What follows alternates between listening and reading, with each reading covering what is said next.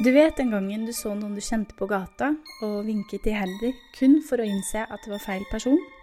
Den fremmede ser spørrende på deg med et snev av avsky, og du blir skrekkslagen i det fatale øyeblikket da du innser at dere slettes ikke kjenner hverandre, og at det hele kun er en grusom misforståelse. Når flauheten avtar, sitter du igjen med den gnagende følelsen av at det finnes mer mellom himmel og jord enn det vi vet. Tenk om det finnes folk der ute som er helt identisk til de du kjenner, og kanskje til og med deg selv? Og akkurat denne følelsen var drivkraften for denne True Crime In Depth Real Life gravejournalistikk-podkastserien. I løpet av fire kapitler skal vi ta deg med på en reise som startet med en feiltagelse, og som resulterte i 20 år med anger og en godt bevart hemmelighet. Jeg heter Maria Messaros, og du lytter til serien Forvilling av tvilling, produsert av Rushtid på Radio Nova.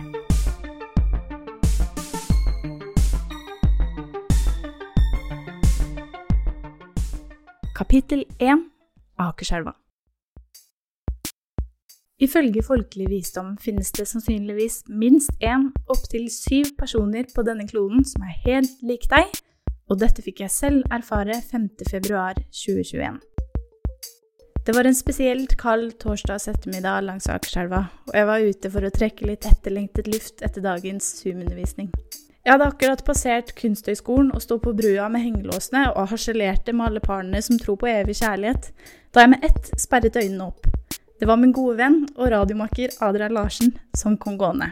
Han stilte seg opp ved siden av meg, og jeg snudde meg for å si 'halla, kompis', idet jeg forfjamset tok et steg bakover. Dette var ikke Adrian.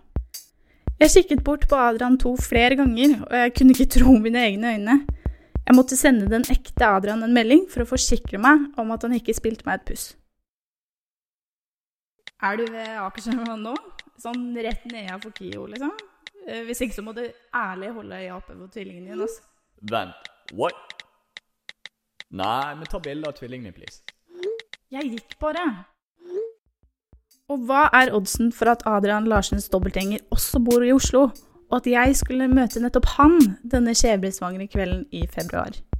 Jeg måtte vite mer. Jeg visste at dette var et mysterium jeg ikke kunne løse alene. Jeg tok kontakt med kollega Kari, en ringrev i etterforskningsgamet og en hardhuda nordnorsk jævel. Jeg fortalte henne om hendelsen ved Akerselva.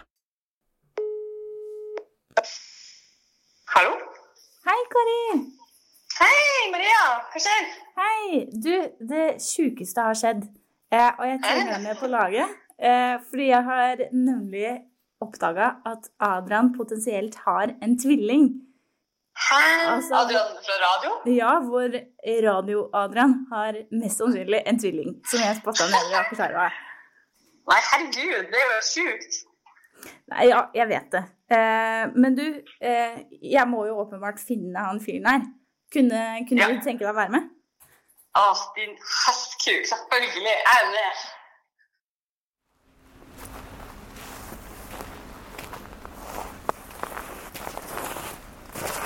Hva her det skjedde. Shit, altså. Det er jo helt sjukt. Eh, Hvor det vannstående? han? Rett her. Og jeg sto liksom bare og harselerte med alle parene som tror på ekte kjærlighet. Ah, word, det der er så jævlig lame. Herregud. Ja, ikke sant. Og så kom han liksom bare helt hit eh, og stilte seg opp, og jeg snudde meg ikke sant? og skulle bare være sånn Halla, hva skjer, Adrian? Og så bare what? Det er jo ikke Adrian i det hele tatt. Så det var jo helt sjukt, ikke sant? Ja, Det der er så vilt. Jeg bare, jeg skjønner det ikke. Men altså, herregud, vi må jo prate med Adrian. Hva om det faktisk er en mulighet for at denne personen er tvillingen til Adrian? Vi ble enige om at vi måtte snakke med Adrian selv og finne ut mer om oppveksten hans. Akkurat idet vi skulle til å dra fra Akerselva, fikk plutselig Kari øye på noen. Vent, hvem er det der? Hvor da? Han der! Unnskyld. Han borte der, er ikke det Adrian, da? Herregud, Kari. Jeg tror det er tvillinger. Nei, faen. OK, Maria, kom igjen!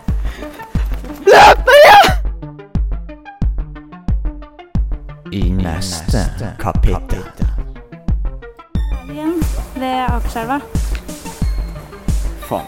Det er rart å du går, gå i dybden på noe jeg ikke Om noe jeg liksom ikke har snakket om på, på flere år. Men uh, ja, ja. Jeg er klar. Jeg er klar.